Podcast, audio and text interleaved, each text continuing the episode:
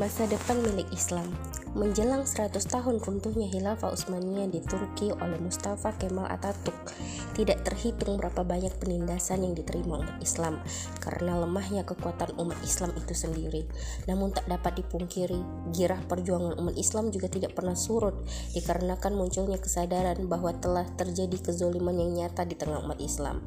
Tentu munculnya kesadaran ini merupakan poin penting yang dapat mendorong terjadinya perubahan. Sejatinya tidak akan terjadi perubahan tanpa adanya kesadaran dalam diri umat.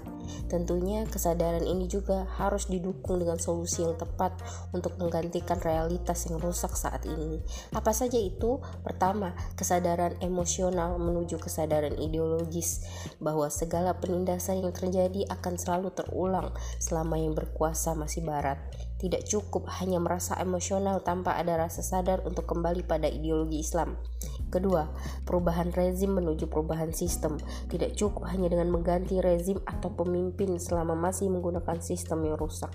Ketiga, perubahan lokal atau regional menuju perubahan global.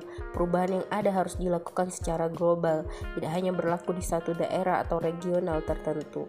Keempat, perubahan parsial menuju perubahan total. Tidak boleh melakukan perubahan yang sifatnya parsial, harus dilakukan secara menyeluruh. Kelima, ketergantungan pada barat menuju independen.